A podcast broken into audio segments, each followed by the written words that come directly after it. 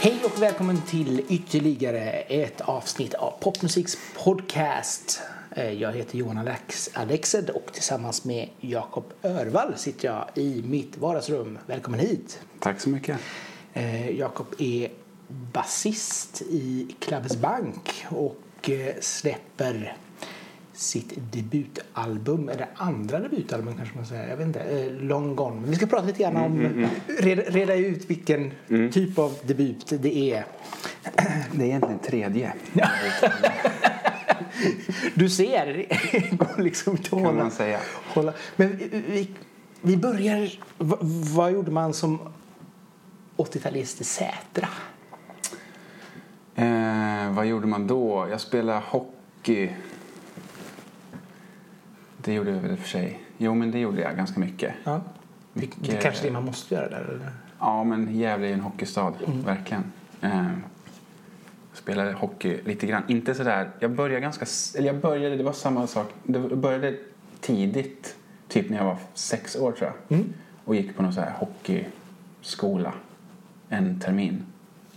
Tror jag. Eh, sen började jag igen. Tror jag när jag gick i fyran eller något sånt där. Och sen spelade jag kanske i tre, fyra år. Typ. Ja, okej. Var Så du, jag fattade att jag inte var så bra. det är hård konkurrens där uppe kanske. Ja, ja verkligen. Men det måste vara liksom sån här guldbiljetten liksom. Man hamnar i laget och sen bara yes, nu är det räkmacka. Nu kan jag spela hockey resten av livet. Ja, ja. Eller så länge man kan spela hockey. Precis. Och så får man hoppas på att man är värvad till någonting annat. Men hur kom, hur kom musiken in? Eh, min pappa är musiker. Mm. Eh, så alltså, musik har ju alltid funnits sen jag var liten. Liksom. Ja. Han, var, han spelade dansband. Det var därför vi flyttade till Gävle från, från första början. Ah, Han okej. spelade ett dansband som, som alla de bodde i Gävle. Så Ja. då flyttade vi dit för att han skulle kunna vara hemma mer. Ja, majoriteten bestämde bara hit. Ja. Nu får du också ta dig hit liksom. Precis. Ja, okej. Så att du har, du har varit med på olika sådana här dansbands eh, tillställningar när du var liten liksom? Alltså mycket typ after ski och after Ah. beach och sånt. Ja, så mycket Sälen. Ja, Sälen har vi varit ganska mycket. Absolut. Vi, eller ganska mycket. Det känns som att vi var i Sälen jämt. Ja. För att jag var ju kanske mellan sju och tio år. Men det kanske var, jag vet inte hur många gånger det var egentligen. Två kanske. En gång per år och så kändes det som varje vecka. Ja, precis, precis. Nej, men Sälen var vi en del. Mm. Eh, och sen så var, spelade han After Beach i Öregrund i typ två år. Oj. Men jag kan tänka mig, det är ju sådana ganska bra, bra pengar liksom. Så här, man står Ja, ja så jag vet inte. Vi har, ju, har väl aldrig haft jättemycket pengar i, vår- i vår Nej, men familj, liksom så här, alltså, som, som dansband känns det som att när ni står där uppe och spelar liksom i Man spelar ju varje timmar. dag. Liksom. Ja. Det var ju helt sjukt. Jag fattar inte hur man pallar det. Och det är liksom inte de här och du, du kör dina 40 minuter och sen går du av. Utan det är verkligen så här, okej du ska tre set, ah, en timme var. Liksom. Ja, minst alltså. Mm. Det var... Ja. Så, men det avskräckte inte dig från musiken ändå? Nej. Nej, vi, då gjorde jag mitt första gig faktiskt. Där. Mhm. Jag och min brorsa.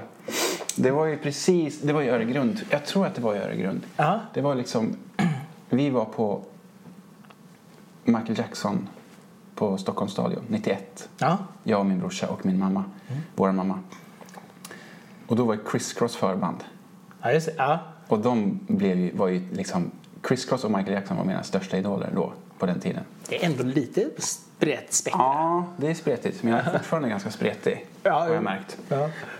Men, ehm, och då så hade jag och min brorsa en, typ en hiphopgrupp. Som hette?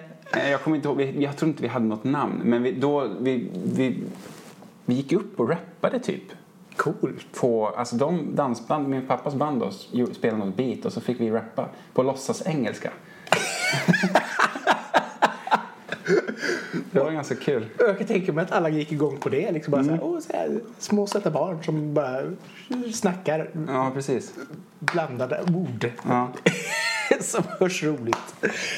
Ah, okej. Men vad var det, vilken, du är basist?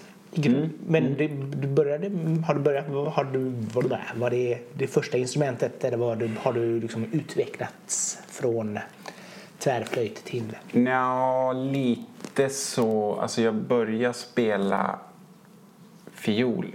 Tror jag gick i trean eller så. Eh, Men jag vet inte. Alltså jag ville egentligen spela något annat. Men det fanns inte så mycket att välja på. Alla de typ trummor och sånt där som man tyckte var ball. Det, det var ju helt fullt liksom. Då fick man stå i kö i flera år. Jaha, i kommunala musikskolan. Ja, precis. Och så tror jag också att man var tvungen att vara lite äldre för att spela trummor. Ja, Har okej. jag för mig. Ja. Jag har för- Det är nå- någon klocka som ringer som Ja, säger att man var tvungen att gå i fyran för att få spela trummor. Det Och var- jag gick typ i tvåan eller trean när jag började. Eller kanske var ännu tidigare till och med. Jag kommer inte ihåg. Det är lite grann som när du får inte lov att cykla till skolan förrän du har gått, går i fyran. För Ja. då kan du bli påkörd. Så, Precis. precis. så nu får du gå och bli påkörd istället. Ja, och sen så spelade jag, jag har ju spelat fiol men det är, jag kommer inte ihåg hur länge, det var inte länge alltså. Nej. Max, max, max ett år. Mm. Och sen spelade jag piano ett tag också. Men det är ju ändå ganska basic. Liksom. Det är basic, men jag tröttnade lite grann när jag inte kunde lära mig det utan till så, så tröttnade jag. Alltså när jag Okej. var tvungen att läsa noter, då blev det inget kul. Aha. Vad var det som inte var... Jag vet inte, jag har alltid, alltså jag har jobbat med noter svinmycket. Mm. Jag gick musikhögskolan senare också. Ja. Eh, och verkligen försökte lära mig. För att jag tänkte att men, det kanske är bra. Även fast jag inte vill. Men jag, sen så bara, jag skiter i det, jag orkar inte. ja okej. Det funkar liksom inte. Så du har bättre gehör liksom? Bara... Ja, det, jag, jag har ju bra gehör. Det är det som är, liksom, jag har alltid litat på mitt gehör. Mm. Eh, så jag tyckte inte att jag behövde noter helt enkelt. Sen kan det kanske vara käckt att liksom ha lite hum, men det har man väl ändå? Liksom. Man vet Jo, men jag ja, kan, ju skriva, jag kan ju skriva noter. Ja. Men jag kan inte läsa det. Nej. Alltså jag, alltså jag kan läsa om jag sitter liksom och Ja, ja, prickar av typ. Men jag kan inte, jag kan inte sit, få upp en not och spela den. ja okej. Det är intressant ändå. Att det, Ja, att det är men alltså det är, väl, det är bara tempot helt enkelt. Jag kan liksom, jag, rent logiskt så kan jag fatta hur det ska vara. Ja. För jag kan räkna ut hur det ska vara. Ja. Men det går för långsamt helt enkelt. Ah, okej. Det är som någon sorts notdyslexi typ. Ja, ja, men då, då, men då är det ju ändå bättre liksom att kunna det här. Alltså har du ändå kon, kunskapen om hur noter funkar så har du ändå ganska en, en Jo, bit in i det. Liksom. absolut. Så att jag menar, det är ju som, som du säger, liksom. jag menar, det är ju som jag. Jag lång, läser som långsamt som jag vet inte vad. Liksom. Och, men man vet ju ändå hur man läser. Men, Mm, det ja. men samtidigt så här, ja, det tar för lång tid. Tråkigt. Och då blir det inte så jävla roligt. Ja, men jag läser också ganska långsamt. Ja. Och men det kan ju vara en sån grej liksom. Ja. Man, man måste nästan se varje hmm och så liksom säga, Ja, säga det i huvudet liksom varje gång man läser det. Annars blir det konstigt liksom. Ja. Så det kan ju vara någonting sånt. Ah, Okej. Eh, Men sen la jag ner musiken. Typ. Alltså, helt? Alltså ja, nej men. ja, efter att jag hade spelat piano. Jag tror att det, då kanske jag gick i fyran, femman, Ja, sexan kanske. Ja, s- nej, femman var det nog, har jag för mig. då var det hockeyn istället. Ja, då, jag min, no, då spelade jag också hockey. Och, Mm. Men sen när jag... Alltså det, här, det är så konstigt när man var liten. Allt känns så jäk- jäkla långt. Jo, det men- var säkert att jag spelade piano när jag gick i fyran eller femman. Ja. Och sen i sexan när jag började få, få musik, alltså när jag började, då började, bytte vi skola när jag gick i sexan. Ah, Okej. Så då började jag på Stora Sätraskolan. Mm. Eh, och då fick vi liksom riktiga musiklektioner där det fanns instrument. Ja. Och då så skulle vi lära oss typ Hang down your head, Hang down your head Tom Dooley. Ja. Och då fattade jag bara, vad fan det här är ju svinlätt. Och tyckte att det var kul helt plötsligt. Jag hade aldrig gillat musiklektionerna innan för att det var bara körsång. Oj. Så då, och då tog, typ började jag spela hemma. Och sen började jag och min brorsa spela. Så startade vi ett band. Och då var han liksom, han startade egentligen bandet först med en kompis som spelade trummor. Ja. Och jag hade tänkt att ha ett eget band där jag skulle spela gitarr och sjunga. men, men då blev det så att man, jag, jag hade liksom inga kompisar som, som jag kunde spela med. Nej. Det hände liksom ingenting. Var, jag hade en som, som kunde typ spela trummor men han, det hände ingenting där liksom. Äh, okay. Jag tjatade på honom och han bara, ja men vi, fan, vi ska starta band men det blev inget. Så bara, men kan inte jag få vara med er och spela? Jag kan spela bas så länge. Ja. Tills jag hittar ett eget band. Och sen så tyckte jag att det var kul. Bara spela bas. Ja, okej. Så det var så du kom in på basbiten liksom, bara på ett bananskal liksom. Men då är det, för det är ju ändå liksom det rytmiska instrumentet så att menar, det är ju så nära trummor du kan komma utan att vara trummor. Mm, förutom eh, slagverk då. Jo. jo. Men om man tänker melodi, triangel. toninstrument, Ja. melodiinstrument eller ja, ett instrument som spelar toner. Ja, så är det ju ändå liksom. Jo, så kan man ju se det. Så Absolut. Det är kanske inte helt, helt långt därifrån i alla fall. Nej.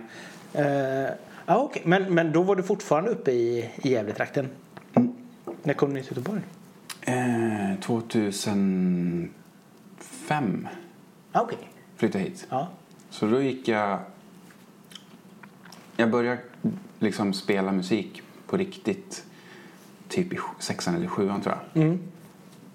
Och sen så fick jag reda på att det fanns ett...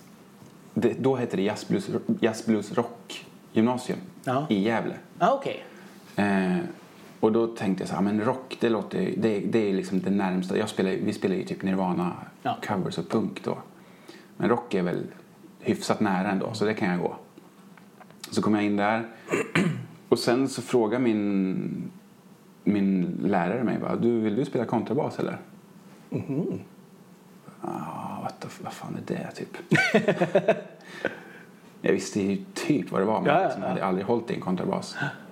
Sen kom jag hem på kvällen och, och frågade morsan och farsan. Bara, de, de frågade om jag ville spela kontrabas. Vad, ska jag göra det eller? Bara, ja, ja, det är klart du ska göra det. det är ju asball. Ja. Ja, okej. Och sen så snöade jag in på jazz. Bara, Ah. Var det, har du några sådana här stora jazz... Ja, Idoler? ja, Bill Evans är väl, Ja, okej. ja. gillar jag. Jag, jag, gillar, jag gillar trio jazz, piano trio jazz. Det är liksom Mm. min, min bag. Ja, okej. Det lyssnar jag sjukt mycket på. Under en period. Först, först började jag lyssna på Oscar Peterson trio för att min baslärare då var helt såld på basisten där. Ja, ja. Eh, fick en massa plattor av honom. Eh, ja, sen hittade jag eget typ. ja okej. Men har det alltid varit just det här intressant med det mer instrumentala? Ja, näst, no, inte, inte då när jag började. Ja, då var det ju Nirvana. Då var ju Ja, liksom så här. precis. Men efter, alltså, sen när jag började spela jazz så, var, så tyckte jag att det var... Jag vet inte varför, jag bara fastnade för det liksom. Mm. Och sen, ja, men jag har alltid gillat melodier. Mm. Det har liksom alltid varit viktigast nästan. För att jag ska fatta tycke för något. Mm. Eller för någon låt liksom. Om du har en bra melodi så har den liksom goda förutsättningar. Jo, men så, det är lite grann så som jag känner också. Det är väldigt mycket musik som görs just nu som man har kommit på en cool produktion eller man har kommit Mm. på ett coolt beat. Det kan ju vara ball också såklart. Det finns ju alltid undantag. Jag lyssnar Jo. ganska mycket på hiphop också. Liksom, där, det inte, där det inte är så mycket melodier. Men där det, där är det något annat. Jo, liksom. det, det kan ha en melodisk rytm i det du framför eller hur du framför det Jo, också. absolut. absolut. Som kan göra det liksom. Men, men när det bara blir ja, ett, ett, ett beat liksom. Och det inte finns någon, någon melodi. Och så kanske, eller det är ett beat och sen så blir det ett dropp och så blir det bara ja, Mm. men nu måste komma något, Mm. något som fångar intresset också. Ja, det finns ju undantag i alla Ja. genrer tycker jag. Ja. Men, eh, Absolut, det är klart det är det. Men det är ändå liksom så här intressant hur, hur, hur man hur, liksom kommer in i musiken på olika sätt. Mm, mm. Vissa går igång på just de här texterna eller vissa vill ha liksom, ja, precis. eh, det mel- melodiska. Liksom. Ja, Jag själv blev ju väldigt så här, insnöad på filmmusik när jag var liten. Så att, ja, och det var ju inte någon annan, utan alla andra hade ju pop, ja. eh, popmusik. Liksom. Så att, ah, okej.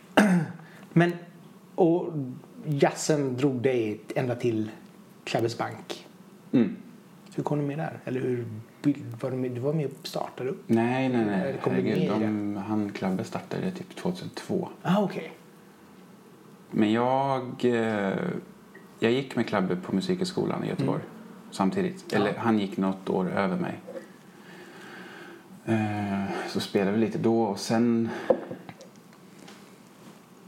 Alltså jag umgicks med... Jag spelade med en, kille som var med där som spelar saxofon. Mm. Spelade med ett annat band då. Och de hade ingen basist längre. Och sen så kom jag upp som förslag. Och så var det så. Men det var, ganska, det var jävligt kul. Jag, jag minns när jag såg... Jag var på deras release på det, för deras andra skiva Ja. i Göteborg. Och tyckte det var så jävla bra. Och bara, fan om jag någon gång blir med i det här bandet då, då kan jag lägga ner typ. Då, då har jag nått mitt mål. Så kändes det. Men då var jag liksom, jag tror jag gick ettan på musikskolan och, och all, de var så jävla mycket äldre och så jävla grymma. Ja. Eh, bara kände att... åh, men tänk ändå liksom så här att vilja vara med i någonting helt plötsligt bara några, några år senare bara varsågod. ja, mm, ja, det är grymt. Det är jävligt coolt ändå. Så du har ju uppenbarligen den talangen som behövs liksom för att komma dit. Ja. Eh, du har ju haft ett annat projekt, Mm, Thoughts of Jacon. mm. Eh, eller har du haft två andra projekt vad jag vet. Mm. The Big Almost också. Men vi tänkte lite grann på den Thoughts of Jacon. Eh, för det har, namnet har varit med länge vad jag förstår. Alltså, det, jag hade ett band som hette, jag säger Jakon Ja, okej. för det första. Ja, ja. Som Jakob fast Jakob. en på slutet. Mm. Eh, ja, det var liksom... Jag, an, jag tror att det var andra eller tredje året på musikhögskolan som jag bröt fingret. Så jag kunde inte spela kontrabas. Ah. Och då hade jag liksom inte spelat elbas på hur länge som helst. Mm. Speciellt inte med plektrum som jag gjorde när jag var yngre. Okej. Så då var liksom enda, det enda jag kunde göra var att spela. Jag hade gipsad, hela armen var ju typ gipsad, eller inte, men handen i alla fall. Ja, ja. Så jag kunde liksom inte röra mig ordentligt, röra handen ordentligt. Så då fick jag bara här, sitta och veva med, med armen med plektrum. och då kom jag någonstans på bara, fan det här det är grymt med elbas. Mm. Alltså innan hade jag någon sorts, alltså det var ju ganska pretentiöst. Eh, eller jag var jävligt pretentiös. Jag, det är jag väl fortfarande. Det kanske inte är något negativt i och för sig. Nej. Eh, nej men jag ville väl liksom, jag tyckte ganska länge att elbas, det går inte att göra något konstnärligt med elbas. Okej. För att det har liksom, som, med en kontrabas så kan man göra så mycket för att få annat, andra sounds, liksom andra ljud. Mm. Eh, rent akustiskt. Med elbas, ja, visst man kan koppla in en pedal men det blir inte, jag tyckte inte att det var samma grej. Men då, efter att jag bröt fingret så hittade jag det där liksom. Ja, men det går ju att göra. Det, det, det, man kan ju göra konstnärliga grejer med, med, med elbas. Och då började jag spela mer elbas Ah. igen. Så mitt examensprojekt på Musikhögskolan var ett typ, någon sorts postrockband. Ja. Instrumentalt, typ, ja, vi var väl sex pers tror jag då. Eh, bara liksom, ja men låtar som jag hade gjort som var någon sorts i någon så här postrockvärld liksom. Eh, och det bandet blev sen Jakon. Ah, okej. Eh, så var vi ute och spelade lite i typ Sverige och Norge och Danmark lite grann. Och så gjorde vi en skiva. Och så jobbade jag så in i helvete med det. Skickade typ till 50 tidningar eller någonting. Ja. Bara, och så fick jag inte en enda recension. Nej. Och bara blev så jävla knäckt.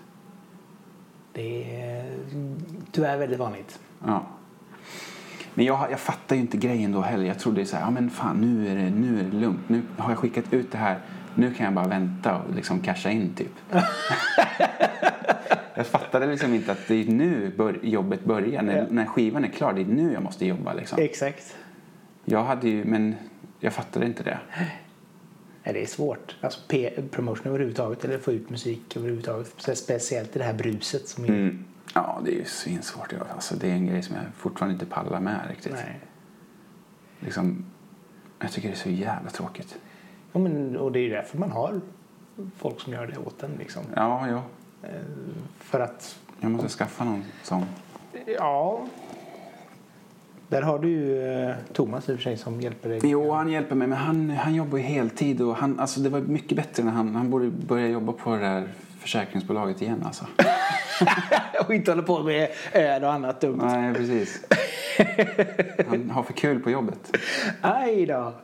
Ja, för ni har varit med ganska länge. Mm. Ja, men han... Jag gjorde ju en skiva efter det. Alltså, det var ganska långt efter. Ja. Den här skivan, Jakon-skivan, släpptes 2010. Sen kom nästa skiva som då hette Thoughts of Jakon. Ja. Som var någon sorts bara så här reminiscing över, över det, det andra projektet typ. Och jag, jag bestämde mig för att, eller jag, jo, men jag, typ jag bestämde mig för att jag, jag ska inte spela live, jag ska bara göra musik för att det är kul.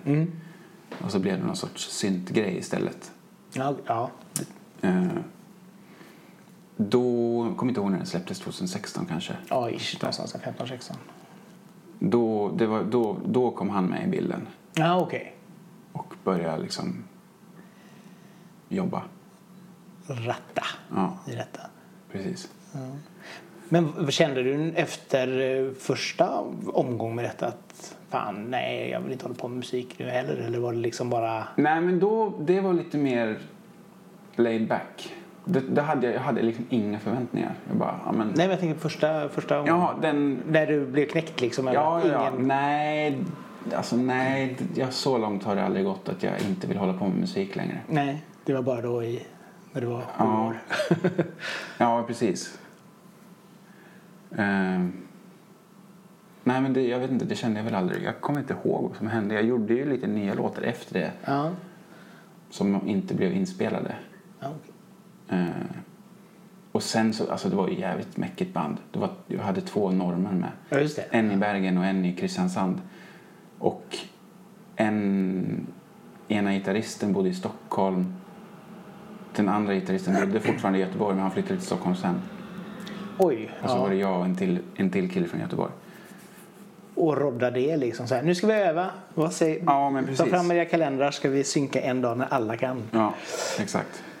Så det var ju, det var ju lite hopplöst. Ja, jo, det kan jag tänka mig. Det kanske är roligt om man alla kan få ihop den här. Nu och kör vi lite live-dagar i och för sig. Ja, En men det var ju så vi gjorde. Så här, vi bokar in en vecka på våren, en vecka på hösten typ. Ja.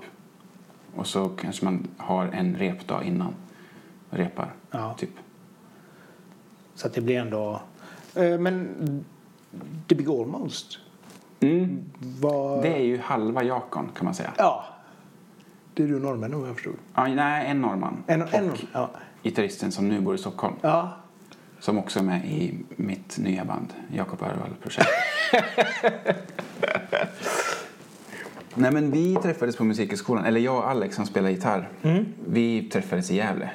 Ja. På jazzgymnasiet och, har, sp- och har spelat sedan dess. Och har spelat svinmycket med varandra. Ehm, och han är också så här, han spelar också jävligt mycket jazz men har alltid gillat liksom rock eller, och pop. Eh, så att vi liksom hittar varandra där på något sätt. Eh, så det, men det, det bandet, vi gjorde en skiva. Men det är också så här, också inte så seriöst det bandet. Fast det är ett väldigt snyggt omslag på skivan. Ja, det är fint. Det är riktigt fint. Ja, det är min brorsa som har gjort det. Ja. Så att... Ja, men det, jo, det, är- det är fint. Den släpptes på en vinyl också. Ja. Som är ja, jävligt coolt. Så här, kostar det mer att pressa upp än att sälja kanske. Inte. Ja, typ. Jag tror inte vi sålde många.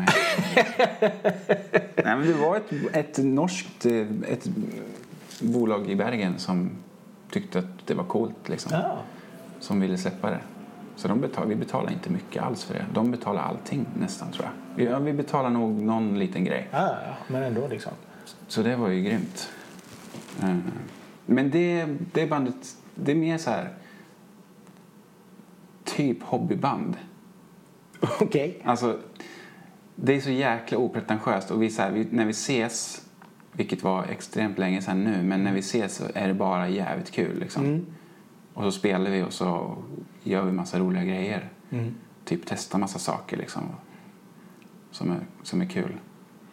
Men, men blir det aldrig... hur, hur lätt är det liksom så att man, ni ses och ska göra någonting så bara så här, hur vet man att det ska bli en Jakon-grej eller Big Olmos-grej eller en, en Jakob Örnvall-grej? Alltså hur... Ja, men, nej, men det bandet är ganska... Där kan, man, där kan vi liksom ta ut svängarna. Ah, okej. Eh, så, och alla är liksom så här, ja, men nu kör vi det här. Mm. Jakob Örvall är ju, det är ju liksom väldigt strikt. Det är, är ju färdiga låtar liksom. Ja, Eh, men det är så här, då, alltså, vi spelade ju in, när vi spelade in skivan då hade vi några, några låtar som jag, Alex hade gjort en, jag hade gjort typ två eller tre tror jag. Och sen så hade, var det gamla låtar som vi hade gjort tillsammans som vi Ja. typ hade jammat fram bara. ja. Och sen hade vi massa ledig, ledig plats på skivan. Så vi, vi spelade typ bara liksom. Jaha. Så det blir så väldigt in, Ja, improviserat Ja, nästan. mycket, det är mycket, väldigt mycket improviserat. Kul. Eh, och så, och, eller så här, man, det är ganska kul, eller det som, jag tycker det är kul i det bandet för att vi kan ha en förutsättning och bara gå, utgå från det. Typ, vi har en låt som är, jag och Alex stämmer ner våra eh, instrument Ja. i botten liksom, så att det bara fladdrar. Ja. Och sen hela låten är att vi stämmer upp Ah. tills, att, tills vi har en samma ton typ, eller ett ackord eller så här. Och så får Öyvind, trummisen, göra liksom ljudlandskap över det. Och det blir ganska meditativt och härligt liksom. Ja. Spännande ändå. Sådana grejer typ. Ja. Eller att så här, ja men vi, ska, vi får bara spela en ton fast på olika sätt liksom. vad som helst, man kan göra Ja, vad som helst. Och så kan det bli intressant och spännande. Det måste inte vara, det måste inte vara vers-refräng liksom. Nej, nej, nej. Det blir lite mer ambient. Ja, men precis. Och sen så, jag och Alex, har, eftersom att vi har spelat så jäkla mycket ihop så kan vi i princip skriva en poplåt liksom på plats när vi spelar. Oh. Typ. Ja. För att båda tänker likadant. Liksom, vi vet att ja, men, ja, han, nu tar han det där ackordet. Det, låter som att han vill hitåt. Och så bara okej, så kör vi. Och så landar det någonstans. Och så ibland, så blir det, ibland så blir det fult. Men om det blir fult så, så kan man ligga kvar. så tror folk att det är meningen. Ja, ja, ja. Eller så blir det, landar det och blir assnyggt. Det, kan bli liksom, det är det som är så kul. Det kan bli vad som helst. Och det är ett jävligt kul sätt att göra musik på. Det kan jag tänka mig i och för sig. Det här att bara jamma fram någonting Mm. och liksom bara låta känslan ta en någonstans. Precis. Och inte liksom det här uppstyltade att nu ska vi göra det här, nu ska vi skriva en Max Martin-låt. Liksom. Nej, precis. Så att, bort med, med ramarna. Var, kom, var kommer Jakon ifrån förresten? Jakon, eh, namnet? Eh, jo, men det var, alltså, det var ett skämt. Jag och min brorsa hade en chilensk kompis när vi var små. Och de har ju ganska slappa ben i, i Chile. Okej. Så det lät, det lät, jag tyckte att det lät som att de sa jak, jakon till mig. Ah. Eh, och sen så har det blivit så här, jag och min brorsa har, eller min brorsa har kallat mig för jakon. Sen dess liksom. Ja, Så har du hängt med även till Thoughts. precis. Typ, För det var liksom så svårt med Thoughts of, och så tänker man att det ska vara Jakon, Ja. Jakon. Tecknar omslaget, är det din broder också eller är det? Nej, det är min frus barndomsvän. Jaha, jättefint det också. Ja, superfint. Lite roligt med sagofigurer. Ja. Alltid i Ja, sig. Men ja. Nej, men jag tycker det passar väldigt bra till, till musiken också. mm, Det är kul. lite, lite fluffigt. Mm. Eh, när det kommer till det här, dagens projekt Mm. där du heter ditt eget namn. Eh, det var ju tänkt att det skulle bara vara en singel. Jag förstod från början, Olycklig kärlek. Mm, ja, det var inte den jag gjorde först faktiskt. Alltså? Nej. Det var en annan låt som heter Baila med. Ja, Eh, som är med på, den, låt nummer två på skivan. okej. Den hade jag gjort som en demo först. Ja, Som jag tänkte skulle vara nästa of Jakan-skiva. ja. Så skickade jag den till Halberstad, Thomas. Eh, och bara, vad tror du om det här till nästa skiva? Ja, låter svinbra, men ska du inte testa att sjunga? Bara, nej, vad fan. Jo men det, är, det här är perfekt med sång liksom. Tänk liksom eh, stort reverb och sång långt bak liksom ljudbilden. Ja men kanske, men jag kan inte skriva text. Nej men jag kan skriva. Eh, ja, Okej. Så frågan om jag ville ha på svenska eller på engelska. Då så sa jag svenska bara för att jag vet inte, för att jag ville ha en utmaning typ. Skulle se om det gick ens liksom. För jag, jag har testat att skriva text men jag, tyck, jag har liksom, bara fy fan, pinsamt. Skäms inför mig själv typ. Alltså det har jag blir gjort. Per, per Gessle-rim liksom. Ja, precis. Eh, men sen, det tog tid. Jag tänkte att han skulle skriva en text på någon dag men det tog ganska lång tid innan, innan eller det kom ju inte ens någon text.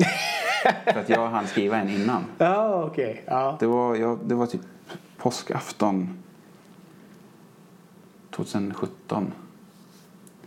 Eh, jag låg, hade jag gått och lagt mig och bara lyssnade på låten och så här började börja skriva liksom.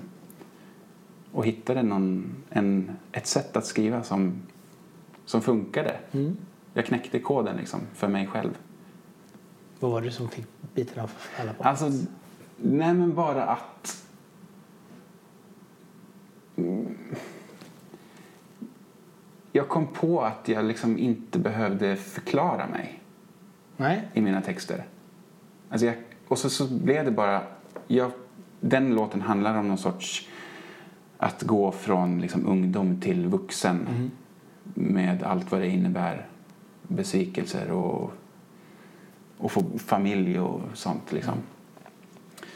Eh, och jag behövde, jag, jag bara kom på så, men vad fan, jag kan skriva första låten, eller första text, textraden är lyssnar på Dookie och lägger patiens.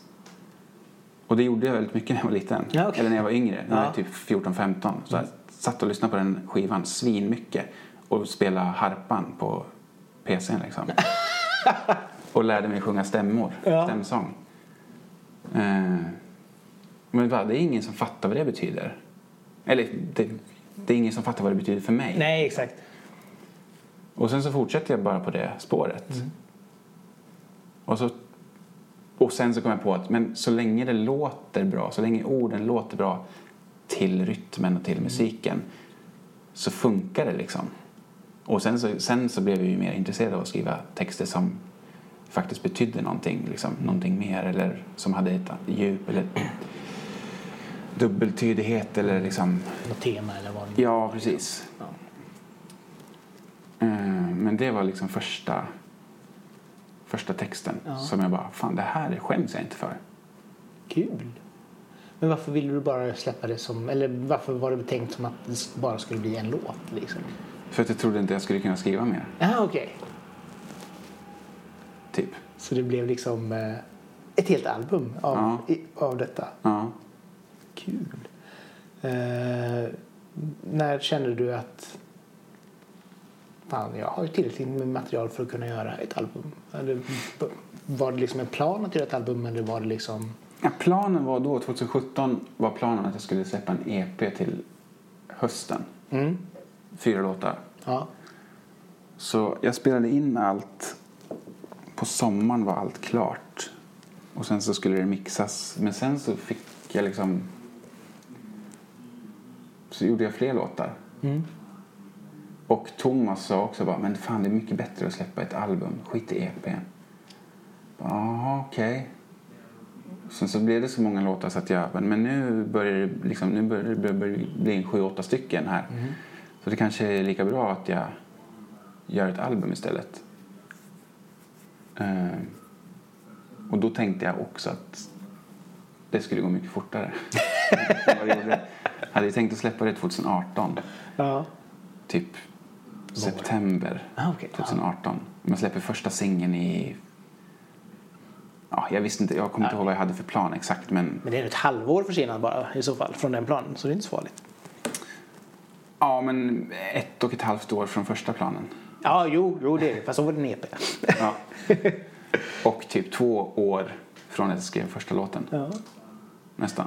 Fast samtidigt så är det väl så här, alltså om du ändå har gjort mycket det här instrument, metal, mycket jazz, hela den biten. Och helt plötsligt så ska du göra typ indiepop. Ja. Det är klart att man behöver hitta sin, sin form för det också. Och liksom, Jo, absolut. Absolut. så det är ju inte så att man bara, ja nu gör jag det här. Och så gjorde jag det och så var det klart med en kafferast. Nej. Nej, fan jag har jobbat ganska mycket med det här ju. Ja, Eh, Även, alltså jag, det är aldrig så att jag har jobbat varje dag, liksom fem dagar i veckan. nej det kan Utan jag har ju haft jobb och sådär. Så, men jag har, det har väl varit typ en dag i veckan och sen ibland på kvällarna har jag lagt sång eller spelat in så här, när det har varit intensivt skriv, skrivgrejen. Liksom. Men har du även kunnat kombinera det här med andra projekt också? Som du har varit med och jobbat med eller musikprojekt då? Uh, ja, inte sådär i skapande process så mycket. Nej. Bank spelar jag med fortfarande. Ja. Men där är det också väldigt... Där, har vi, där är det väldigt tydligt och mycket framförhållning. Ah, okej. Så nu har vi liksom en turné i november som, var, som i princip bokades förra året. Liksom. Ja, ja, du vet. Eller vi satte en vecka eller två veckor typ. Som, så där vet man ganska långt innan. Så, mm, vilket är bra. Kan planera runt. Men annars, nej men jag har liksom inte känt att jag har haft behov av att ha något annat sådär Nej. direkt. Du har fått fok- foka på ditt eget projekt liksom. Mm. Precis. Eh, jag är ju fortfarande alltid lite lika glad i omslag. Eh, det här omslaget är ju intressant. Eh, det är på en liten leksaksbil. Ja. Be- Berätta om omslaget. Hur kom du fram till den idén? Nej, men det är jag och min kompis Marcus Dimbodius. Som, eh, han är ju en jävla idéspruta alltså. Ja. Och jäkligt rolig att jobba med. Eh, det är han som har tagit alla bilder. Och Ja. vi har liksom snackat om inför varje omslag, vad vi, eller inför, inför varje singelsläpp, om hur omslaget ska se ut. Ehm, bilen, ja men det är väl någon sorts idé med att Alltså... Ja, men typ att... Det blir inte... Det, jag, jag lever liksom inte så jävla fett. Men jag kom i alla fall hit, typ. Ja, okej. Ja. Eller, eller att nu, nu drar jag härifrån. Fuck this shit, liksom. Och så har jag bara en jävla leksaksbil att åka iväg på. och, och ölen i fickan. Ja, liksom. Och Christer Pettersson-look. Men, eh, ja. ja, men jag tycker den är, gans, den är symboliskt komisk. Absolut. Men jag tycker ändå att det finns något annat i den. Liksom. Eller det finns ju ett, en dubbeltydighet som är ganska rolig tycker jag. Ja, men det är lite så här, men det är väl lite så här tragikomisk eh, person från, från filmafesten som Ja, men precis. gör någonting liksom. Man Ja. får den känslan lite grann. Ja. Men samtidigt så är det så även på första omslaget där, Ja. där du sitter med rosen och tittar in i kameran. Den ser också så här lite så här lite Det är lite skolfoto. eller, så här, eller dansbandsfoto. ja men dans, dansband liksom. med den där bakgrunden. Ja. Och solkiga kläder och en vissenros. Ja. Det är liksom så här, ja men jag, vi, jag, det här är det enda jag orkar nu. Liksom. Vi, jag är så jävla trött. Barnen är jobbiga. Vi har liksom inte umgåtts ordentligt på fyra år typ. Men nu jävlar. Så här. här har du en vissenros. Tank, det, tanken är god. Liksom. Ja, exakt. Ja, den är, den är, äh, det är här, men det är härliga bilder. Liksom. Det är så, det är så anti-hjälte på något sätt. Liksom. Ja. Allt eller inget, du och massa chips. Liksom. Mm. Ja, men det är också så här... Måste ha chips. Och så, så köper man hela lagret. För att man är så jävla sugen. Och är fort, ändå liksom bara... Fan, jag kan inte äta det här. Jag måste. Nu, nu sitter jag här en dag med min, Ja. mina jävla chips. Låt mig äta dem liksom. Ja, samtidigt som man inte liksom... Samtidigt som man vet att det är jäkligt dåligt. Ja, Ja, men det är lite så antihjälteaktigt. Ja, men det, ja, Mm. ja, men jag, gillar, jag gillar de omslagen. Jag tycker de är faktiskt lysande rakt igenom. Eh, vad, jo, eng, engelska låt. Long Gone, Baila Me, Baila Me, Baila med. Baila Me, eh, Modern Man Shit och så vidare. Alltså det Mm, den kan man ju tro att det är en engelsk. Den, det är egentligen modern man shit. ja, Eh, ah, Den, ja, men det är väl en liten blinkning till, det finns en artist som heter eh, Rickard Skits Bitsy som är hiphoppare, Mm. rappare, rappare från Stockholm. Han har en låt som heter Fullvuxen man shit. ja, Och så tyckte jag att det var kul att göra en liten, eller bara ändra namnet typ. liten hommage. Ja, precis. Eh, long Gone, jag vet inte, jag sjunger Long Gone liksom. Ja, jo, nej, men det, Det, är väl, det kan man ju säga på svenska också. ja, jo, det är sant. Är bara, det, jag tycker också att det är kul att få in lite engelska ord Mm. i texterna. Alltså, jag, jag, jag har varit ganska mån om att skriva texter så som jag pratar. mm, Eh, och inte försöka så här snärja in budskapet i massa vackra ord. Utan jag tycker att det ska vara liksom rakt på. Eh, och det måste inte vara poetiskt. Det blir poetiskt tycker jag ändå. Eh, på sitt sätt liksom. Men, ja, men jag gillar att det är liksom bara tydligt. Och, och för att det ska kännas för att det ska kännas liksom naturligt för mig att sjunga så funkar det bäst tror jag med, med sådana texter. mm.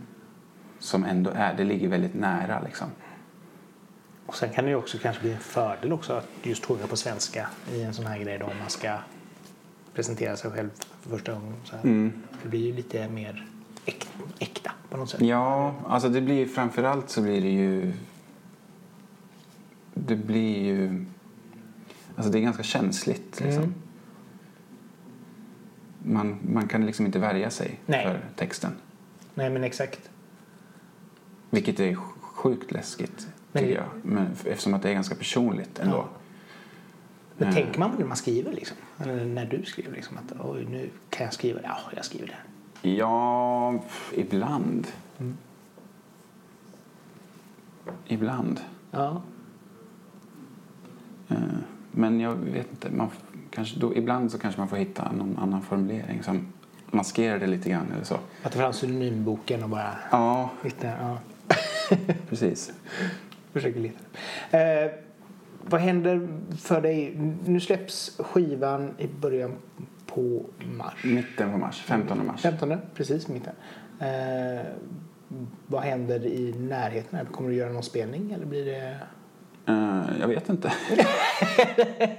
Vi hoppas. Ja, det hade varit kul med ett release-gig men jag har liksom försökt att fixa på lite olika ställen men det är ingen som har nappat. Ja, okej. Vissa har inte ens svarat. Så bara, så till slut bara, "Ah, fan, skit i det här. Ja. Orkar inte. Så vi får väl se. Ja, du kör Jag orkar liksom inte hålla på och ringa. För jag är så jävla dålig på att ringa. Eller dålig, jag tycker att det är sjukt jobbigt att ringa. På vilket sätt? Prata telefon. Nej men jag tycker, jag vet inte. Ja. Jag tycker det är så jävla mycket lättare med sms eller mail. ja, jo, det är det ju i och för sig.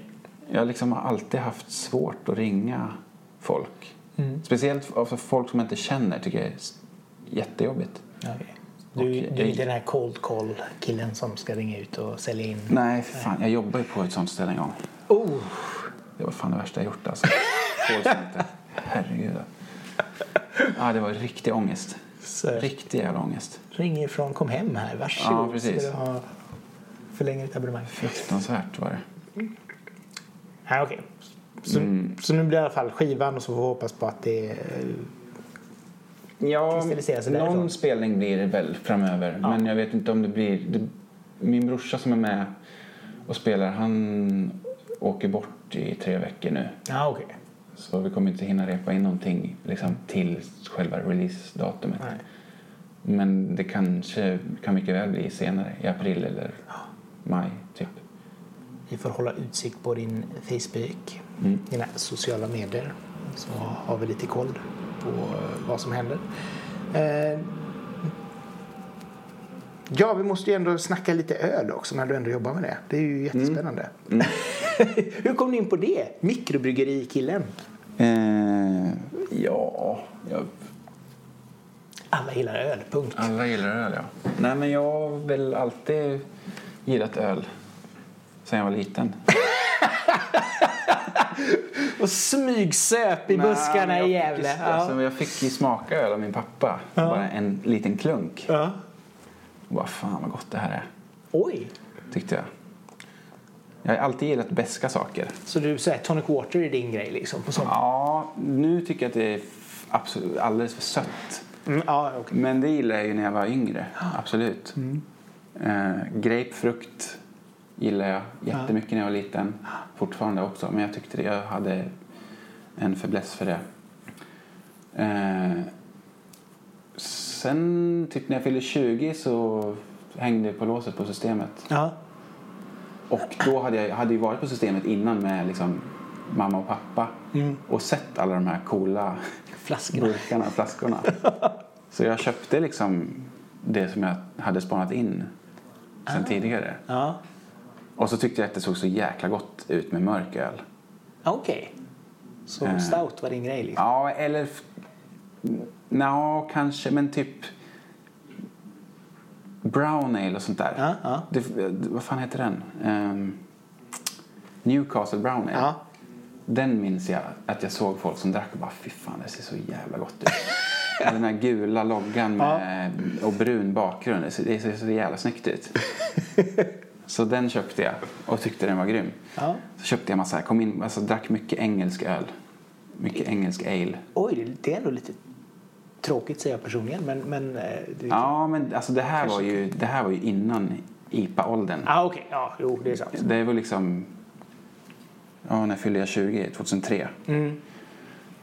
Då fanns det ju inte en amerikansk IPA så långt ögat Nej, kunde nå i Sverige. sant. Den första som jag bara liksom höll på att svimma av för att den var så god. Det var Sierra Nevada Pale Ale Mm, ja. som kom typ, vad kan det ha varit, 2005 kanske? ja. Något sånt där. Några år fram i tiden i alla fall. 2006? Jag Ja. vet inte riktigt. Jag, jag, kan, jag vet inte alls. Jag kommer ihåg första gången jag drack den ja. och bara skrek typ för att det var så jävla gott. jag och min brorsa bara, fy fan det är så jävla gott, det smakar fan grapefrukt. Ja, ja, ja. Men det, det är någonting det. Men du har, du har ändå gjort lite öl själv? Mm, precis. Jag, jag gick ju på en folkhögskola i Skåne, Ja. eh, i Skurup. Där brygger man öl. Nej, men där träffade jag en, en kille som heter Olof som var hembryggare. Ja. Och då hade jag så här precis börjat intressera mig för öl när jag träffade honom. Och, och, och sen så liksom lärde han mig att brygga öl. Så jag började brygga öl då, typ 2004 kanske. Är det svårt? Eh, nej, alltså det beror lite på. Det, är- det, är- det är jättelätt att göra en vört. Det är jättelätt att få den att jäsa. Det som är svårt, det är ganska lätt att få den att smaka helt okej. Ja. Så att det blir drickbart. Kanske till och med gott. Det svåra är att liksom finjustera och få koll på allt som man behöver ha koll på. Liksom. Men så länge man har koll på hygien och liksom hyfsad jästemperatur så, så är det inte svårt alls. Ja, okej. Det är som man kan ha det liksom i badrummet hemma och så bara... Ja, jo absolut.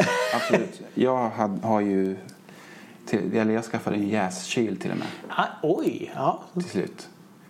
För att få kontroll. Ja.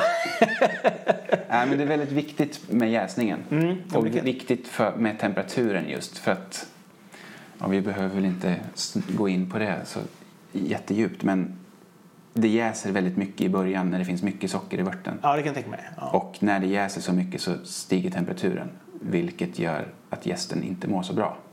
Så man vill hålla nere temperaturen initialt för att kanske senare ta upp den. Ja, okej. För att få en renare öl helt enkelt. Och vara lite försiktig med processen där. Mm. Eh, Nej men så jag började brygga hemma och sen, sen jobbade jag i en hembryggningsbutik här i Majorna. ja, okej. Eh, ett par år. Ja. Och bryggde hemma typ jämt. Men, men, men vad, är, är det liksom så svårt att veta här, hur man ska jobba med humlen och så vidare och den biten och få fram smakerna och... Ja, men alltså i grund och botten handlar det väl egentligen om råvarorna. Ja. Precis som i all annan matlagning. Liksom. Eller ja, Jo, framställning av Ja. olika drycker och, Ja. och, ma- och mat. Eh, men det, det lär man sig ju. Så brygger man mycket så kan man ju lukta på humlen och känna att den här humlen är inte okej. Ja, Den- okej. Den är inte så bra. Nej. Ölet kommer inte bli top notch. Liksom.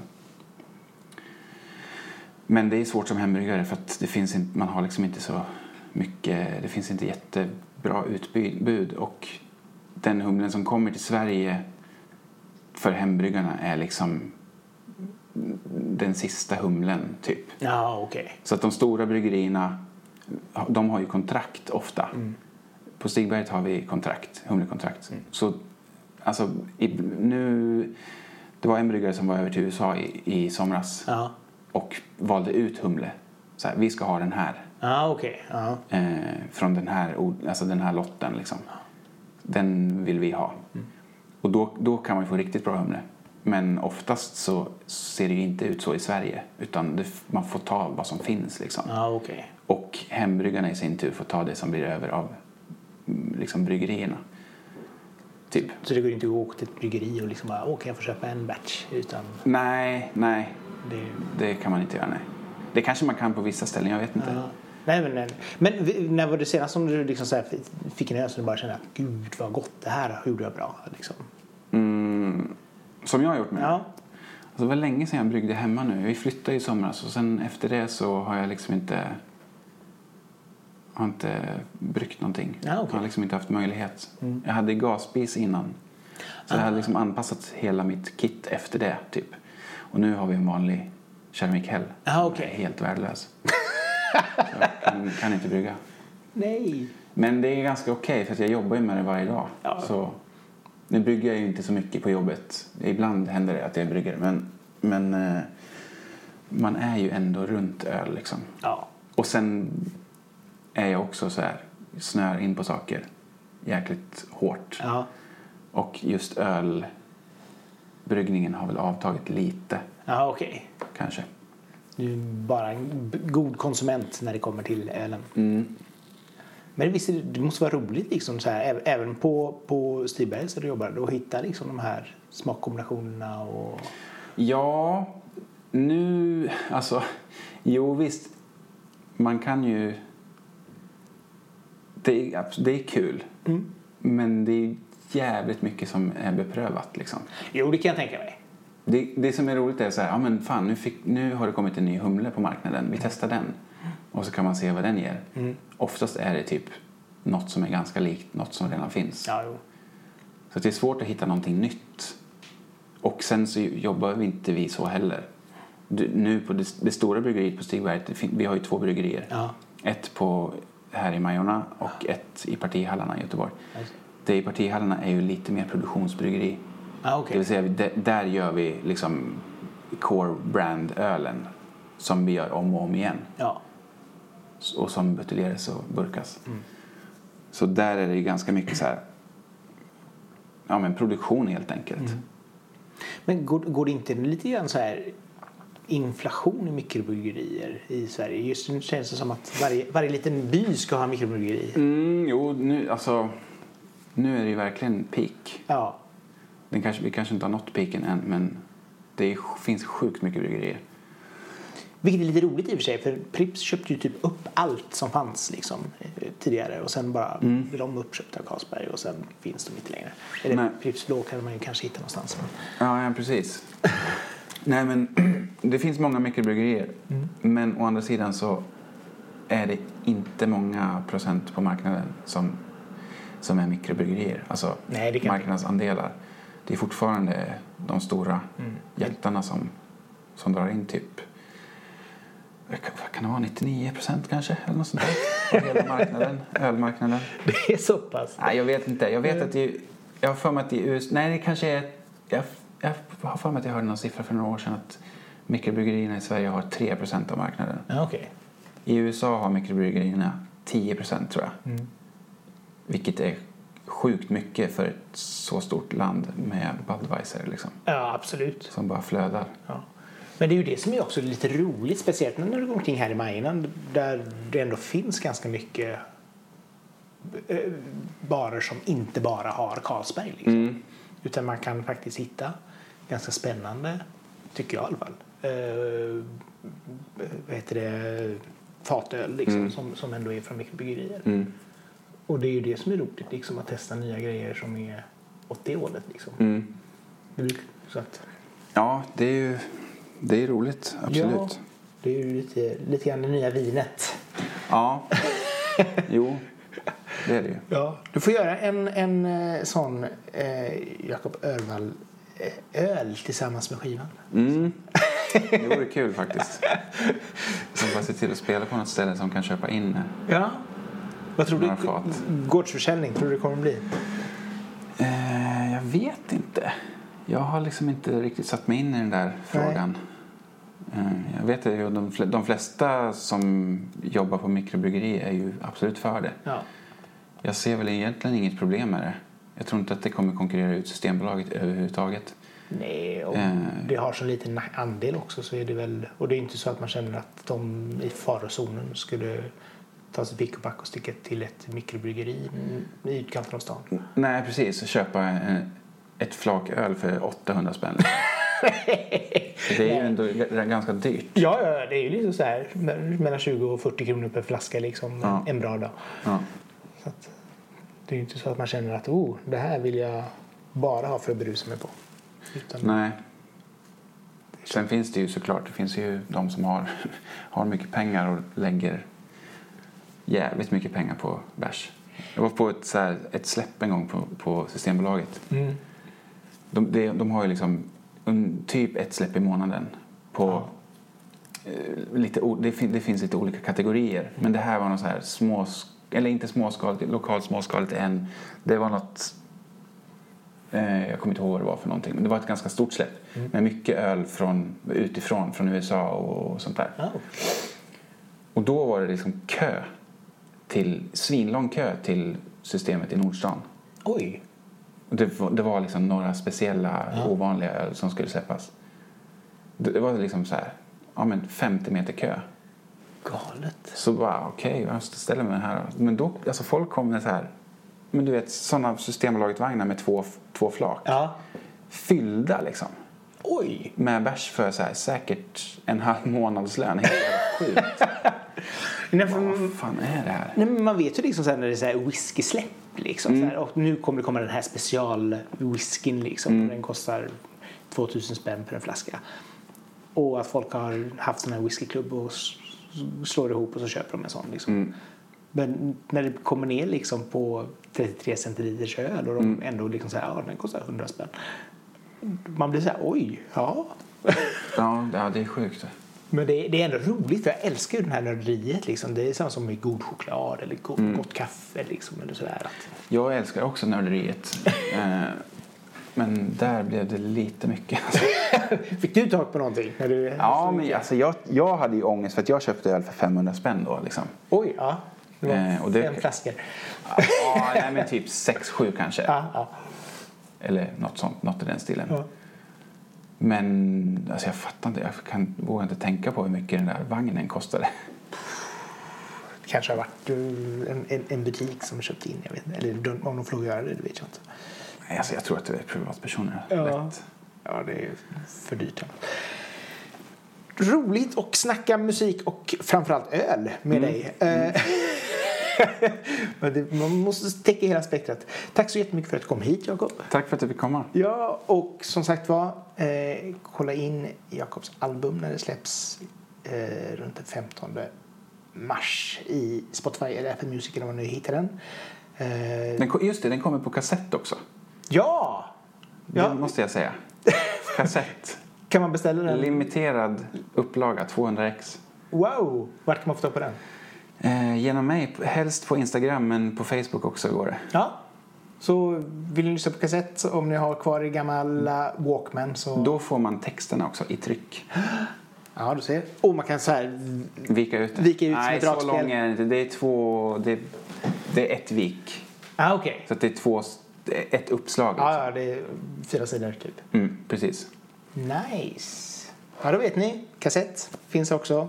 Det gäller att komma på de här re- retroutgåvorna. Mm. Som sagt var, gillar ni bloggen eller gillar ni podden så får ni gärna dela den till era vänner och fiender på sociala medier. Eh, prenumerera på den, följ den eh, och eh, sprid ordet. Det kommer nya intervjuer vad det lider. Så att eh, håll utkik. Men eh, just nu från oss till er. Tack och hej.